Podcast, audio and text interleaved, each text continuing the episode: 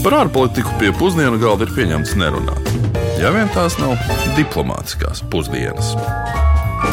Labdien! Diplomātiskajās pusdienās ir otrdienas pusdienlaiks, un kā katru nedēļu mēs populāri zinātniski ceļojam pa pasaules valstīm un skaidrojam to aktuālos jautājumus un lielākos izaicinājumus. Labdien! Pagājušajā nedēļā mēs bijām Bermudu salās, un kādu brīdi neesam bijuši okeānijā. Tādēļ šodien dosimies uz otru pasaules malu un parunāsim par mazāko kontinentu un vienlaicīgi sesto lielāko valstu pasaulē - Austrālijas Savienību. Austrālija, kā visi zina, ir ļoti daudzveidīga un atšķirīga. Lai arī to pieskaita pie rietumu pasaules demokrātisko principu, brīvās tirgus un cilvēktiesību standartu dēļ, daba, klimats un pat kalendārs ir ļoti atšķirīgs. Tādēļ mēs sūtījām Rīgas ielās mūsu kolēģi Rihardu Plūmi, kurš vaicāja jums, klausītāji, ko jūs zinat par Austrāliju.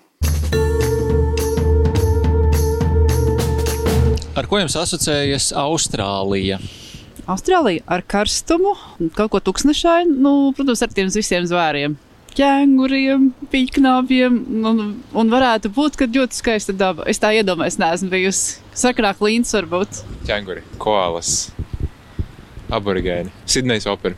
Varbūt no vēstures kaut kas, par, ka veda uz Austrāliju ieslodzītos no sākuma. Nu, tradicionāli tūkstoši ķēnguri, mirst sešsars ar viļņiem, okeānu, kaut ko tādu. Droši vien arī lielajiem attālumiem un, un, un kaut kādām tūkstošiem un tādām lietām, ar dabu, principā. Visdrīzāk ar zirnekļiem un ar kaut ko tādu neapdzīvotu un nezinām, jo atrodas, man liekas, vis tālāk no Eiropas un kaut kā pa Austrāliju vismazāk arī runā. Atklāti sakot, es esmu šokēts par to, ka neviens no klausītājiem nepieminēja krokodilu dandiju. Bet, kā mēs zinām, krokodila dandija nebūtu, ja latvieši nebūtu visur. Mm šeit jāatgādina, ka dandija prototyps ir no Dundagas nākušais Arvīds Blūmentāls, jeb krokodila Harijs, kā viņu Austrālijā pazīst. Un, uh, viņš dzīvoja alā un savas dzīves laikā esot nomedījis aptuveni 40 tūkstošus krokodilu. Nē, nu, pēc viņa ir arī uh, uzņemta filma 80. gados, kas joprojām ir visu laiku populārākā Austrālijā uzņemtā filma, nu, visvairāk nopelnījusi. Pieauga rietumu valstu interese par Austrāliju tieši pamatā šī te, šīs te filmas dēļ. Nu, vēl pirms dažiem gadiem, 2018. gadā, izmantojot šo pašu tēlu, Austrālija uzsāka plašu amerikāņu turistu piesaisti, reklamējoties, piemēram, arī amerikāņu futbola pasaules čempionātā, jeb Super Bowl finālā. Jā, šī kampaņa tiešām ir ļoti, ļoti plaša. Bet uh, Austrālija ir pazīstama vismaz Eiropiešiem jau kopš 1600. gadu sākuma, bet uh, pamatiedzīvotāji aborigēni ir tur dzīvojuši jau ilgāk nekā 65,000 gadu. Un Lielbritānijas karalists kontroli pār kontinentu pārņēma tikai 1770. gadā un sāka to izmantot par cietumu saviem noziedzniekiem, un to pieminēja arī viena no klausītājiem. Šī prakse gan ir bijusi raksturīga arī citām koloniālajām mm. Kas ir interesanti, bet Austrālija skaitās um, no vecākajiem apdzīvotiem kontinentiem. Un, uh, turklāt, arī neskatoties uz to, ka arī lielākā daļa teritorijas ir mm, visne, visneauglīgākā augsne iespējama. Starp citu, blakus Austrālijai vēl tikai pagājušajā gadā tika atklāts astotais kontinents, uh, tā saucamā Zēlandija. Nu, jāņem vērā, gan, ka lielākā daļa no tās ir nogrimusi okeānā, un lielākā redzamā daļa ir tieši Jaunzēlandes teritorija. Jā, katru dienu jauni zinātniski atklājumi, un laikam tiešām jā, visai aizraujošā pasaulē mēs dzīvojam. Bet Austrālijā dzīvo ap 25,5 miljoniem iedzīvotāju, un kas ir interesanti, ka etniskais sadalījums ir ļoti neparasts. Pa 25% iedzīvotāju identificē sevi kā angļi un kā austrālieši. Pārējie 50% jau ir īri, skoti, itāļi, ķīnieši. Austrālijas aborigēni ir ap 800 tūkstošiem, jeb aptuveni 3% no visiem valsts iedzīvotājiem. Un par viņu likteni arī nedaudz tālāk parunāsim. Nu jā, bet par eh, Austrālijas ekonomiku runājot, eh, nu tā ir rietumu valstīm tipiski atvērtā tirgus ekonomika. Eh, nu, pat tirgus atvēršana, kā mēs nojaušam, ir palielinājusi gan ražīgumu, gan stimulējusi izaugsmu un padarījusi ekonomiku arī elastīgāku un dinamiskāku. Valsts ir gan Pasaules tirdzniecības organizācijā, gan arī G20 valstu grupā, starp citu. Un šobrīd tā aktīvi slēdz arī divpusējos brīvās tirdzniecības līgumus ar virkni reģionu un pasaules valstu. Pats svaigākais, starp citu, kas ir noteikti ir jāpiemina, ir reģionālās uh, visaptvarošās ekonomiskās partnerības līgums, kas aptvers uh, 15 Āzijas un Klusā okeāna valstu, ieskaitot Austrāliju, Japānu un arī Ķīnu. Un uh, līguma dalībvalsts kopumā ir, ir veido apmēram 30% pasaules iedzīvotāju un arī tikpat daudz pasaules ekonomikas, nu, kas šo faktiski padara par lielāko tirzniecības bloku pasaules vēsturē. Un, um, tam gan jātiek vēl ratificētam, lai tas stātos spēkā. Jebkas, kas ir lielākais, tas ir pagaidām. Tāpat Austrālijai šobrīd jau pāris gadus ir procesā, lai noslēgtu arī brīvās tirdzniecības līgumu ar Eiropas Savienību. Un, uh, Atcerēsimies, ka šo līgumu kā piemēru bieži vien piesauc Lielbritānija, diskutējot par savām turpmākajām attiecībām ar Eiropas Savienību. Bet uh, brīvais tirgus un tirdzniecība jau ir tikai daļa no Austrālijas priekšrocībām. Otrs pamats ir noteikti tas, ka Austrālijas bagātie un daudzveidīgie dabas resursi piesaista lielas ārvalstu investīcijas. Tas ir plašas ogļu, dzelzs, svāra, zelta, dabasgāzes, urāna un arī, protams, atjaunojamo energoresursu rezerves. Starp citu, arī šajā valstī aitu skaits ir milzīgs salīdzinājumā ar iedzīvotāju skaitu. Nu, apmēram 150 miljoni, kas nodrošina arī lauksaimniecības sektora nozīmīgu klātbūtni ekonomikā. Nu, rezultātā Austrālijas IKP uz vienu iedzīvotāju pēc Pasaules bankas metodoloģijas, un raidījumos mēs staigājam pa dažādām metodoloģijām, pēc arī dažādiem cipariem, ir 45,000 eiro, nu, kamēr Latvijas attiecīgais būtu 14,500 eiro, jeb nu, faktiski trīs reizes mazāks. Nu, vidēji tiek rēķināts, ka Austrālija ir apmēram 15. turīgākā valsts pasaulē pēc šī rādītāja.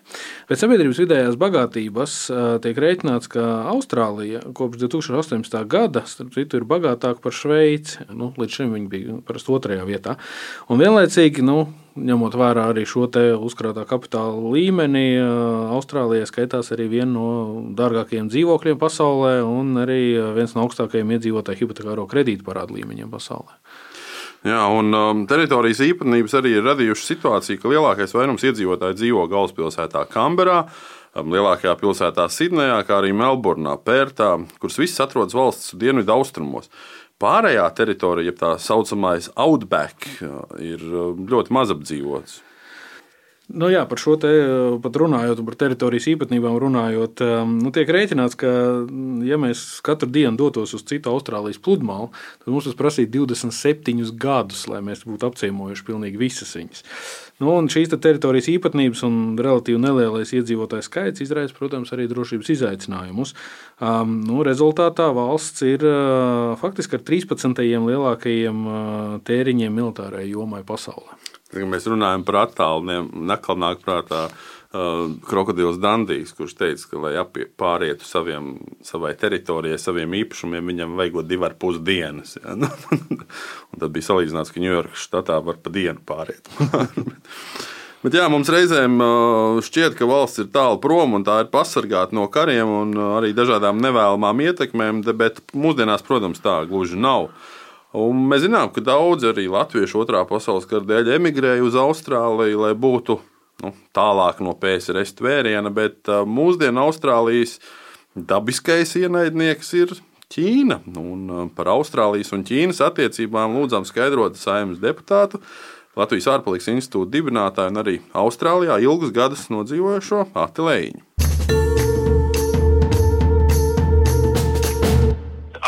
Austrālija pēdējos gados ir uh, izaugusi diezgan uh, stipra. Iedzīvotāju skaits jau tagad tur ir tur teju, teju 25 miljoni, kad es biju, tad bija 8 miljoni. Un viņai ekonomiski 20 gadus, pat drusciņi vairāk, nav bijis nemaz bezdarbs. Bezdarba nav bijis jo viņai ļoti izdevīgi bija tirzniecības sakara ar Ķīnu. Nu, pat Austrālija, Jaunzēlē, nu, citas eh, Āzijas valsts slēdz tirzniecības līgumu ar Ķīnu. Nu, Austrālija atļāvās kritizēt Ķīnu par to, ka apspiež demokrātiju Hongkongā. Jūs zināt, bija tā vienošanās ar Britiem, ka viņi Hongkongu Ķīnai, divas sistēmas, viena valsts. Nu, tagad nebūs vairs divas sistēmas principā.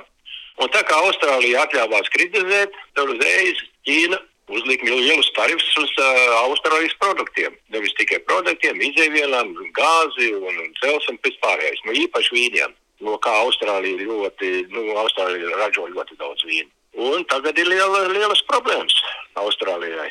Un, ja redziet, tas uh, tirdzniecības līgums uh, tika slēgts bez Amerikas. Un, ja tev nav Amerika savā draugu pulciņā, nu, tu, tu pret Ķīnu maz ko vari izdarīt. Bet no Austrālijas vadība tomēr ir izvēlējusies spērt šādu visai riskantu soli. Nu, jā, nu, viņi tagad dabūna labu skolu. Viņi tagad redz, vai ne, kā ar Ķīnu īstenībā ir. Tiklīdz, ka tev atļaujies kritizēt, nu, tas jau nekas jauns nav. Amerikā arī tagad gatavojās slēgt jaunu tirsniecības līgumu, bet Amerikā arī varēja uzlikt uh, lielus tarifus, muitas tarifus uz Ķīnas produktiem. Un Ķīna to spēku valodu saprot. Tad viņi gatavi piekāpties. Nu, un ar Eiropas Savienību jau arī tagad būs tirsniecības līgums ar Ķīnu. Bet, nu, tā kā Eiropas Savienība ir ļoti liela, 500 miljoni iedzīvotāji, viņi pateiks, ne jūs mums tā, tad mēs jums šitā. To Ķīna arī saprat, jā, un tagad būs labāki, kā saka, nosacījumi tirsniecībai Ķīna. Austrālija, Austrālija viena, nu, ar šitiem Āzijā, nu, nevar to izdarīt, viņai nav tā spēka, valoda, viņai nav tas, kas saka, tā dūre. Ja Ķīna ir Austrālijas ārpolitika, tad gribētu nedaudz laikam, parunāt arī par iekšpolitiski pretrunīgo un par šausminošo aspektu, kas būtu attieksme pret Austrālijas iedzimtajiem, jeb aborigēniem un Eiropiešu izcelsmes iebraucējiem. Um, ir jau daudz dzirdēts par genocīdu, kas tika veikts uh, Eiropiešiem iekarojot Amerikas, bet nu, Austrālijas aborigēniem situācija, diemžēl, nav bijusi sevišķi labāka. Jā, un pat ja mūsdienās aborigēniem pirmajiem tiks dalītas vakcīnas pret covid-19, un pat nesen arī Austrālijas konstitūcijā izlīgšanas labad tika mainīti vārdi no jauns uz vietas, kā mums stāstīja arī Jānis Lēņš, tad tas pamatā tiek darīts agrāko gadsimtu nodarīto pārestību dēļ. Nu jā, šī attieksme pret aborigēniem ir, ir laikam nekādīgi savādākā par genocīdu nebūtu nosaucama, jo valstiska līmeņa sankcijas, kas ir tikušas veikts pret cilvēkiem, viņi ir tikuši iznīcināti, izdzīti no mājām un pat ģimenēm atņemti bērni. Nu, tas, diemžēl, ir noticis gadu, gadu desmitiem un simtiem. Protams, ar citu pašu Ņūkāslas Universitātes Austrālijas zinātnieki ir rēķinājuši, ka pēdējo 140 gadu laikā ir notikušas 311 masveida aborigēnu slepkavības. Nesenākās no tām pat vēl 1000. 1960. gados, un tas vēl neskaitot aktīvo karadarbību pret iezemiešiem, paplašinot valsts teritorijas. Un, protams, Eiropiešu ievazāto slimību, pandēmiju, sevišķi baku dēļ, kas nogalināja desmitiem tūkstošu iezemiešu, un tiem nebija izveidojusies vienkārši dabiskā imunitāte. Un, nu, arī, protams, tas vēl bija pirms vakcinēšanas procesa izgudrošanas. Un vēl arī, protams, nevar nepieminēt tā dēvēto nozagto pauģu fenomenu, kad um, 20. gadsimta pirmajā pusē aborigēnu bērni sistemātiski tika izņemti no ģimenēm to asimilācijas nolūkos. Proti, bērni nonāca Eiropiešu izcelsmes iedzīvotāju ģimenēs ar mērķi tikt skolotiem un apmācītiem.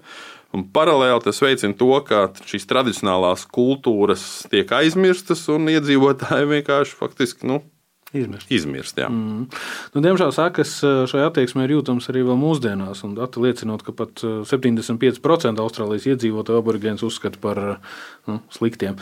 Diskriminācijas rezultāti izpaužas plašā spektrā, gan bezdarbā, gan nabadzībā, gan atkarībā, sliktā veselībā, augstākos pašnāvību rādītājos, starp citu arī. Un arī Austrālijas policijas darbības pret aborigēniem ir raisījuši ļoti daudz pārdomas, jo, piemēram, BBC dati liecina, ka Austrālijā pēdējo 30 gadu laikā ir policijas darbības rezultātā reģistrēti 400 aborigēnu nāvi gadījumi, kur tā arī nekad nav atklāta un vainīgie nekad nav sodīti. Un, nu, vēl par cipariem runājot, tiek rēķināts, ka ja aborigēnu īpatsvars valstī ir, kā jau mēs minējām, ap 3% kopumā, tad cietumos šis procents ir 25%. Nu jā, domāju, ka šo visu visai labi ilustrē arī tas, ka pirmais aborigēnu izcelsmes Austrālijas valdības ministrs, kurš nu, diezgan loģiski ir atbildīgs par iezemiešu jautājumiem, Kens Vajets amatā stājās tikai 2019. gada maijā. Bet, nu, Kopumā rezumējot, var teikt, ka, protams, Austrālija ir ļoti daudzveidīga un ne tikai vides un dzīvnieku pasaules ziņā.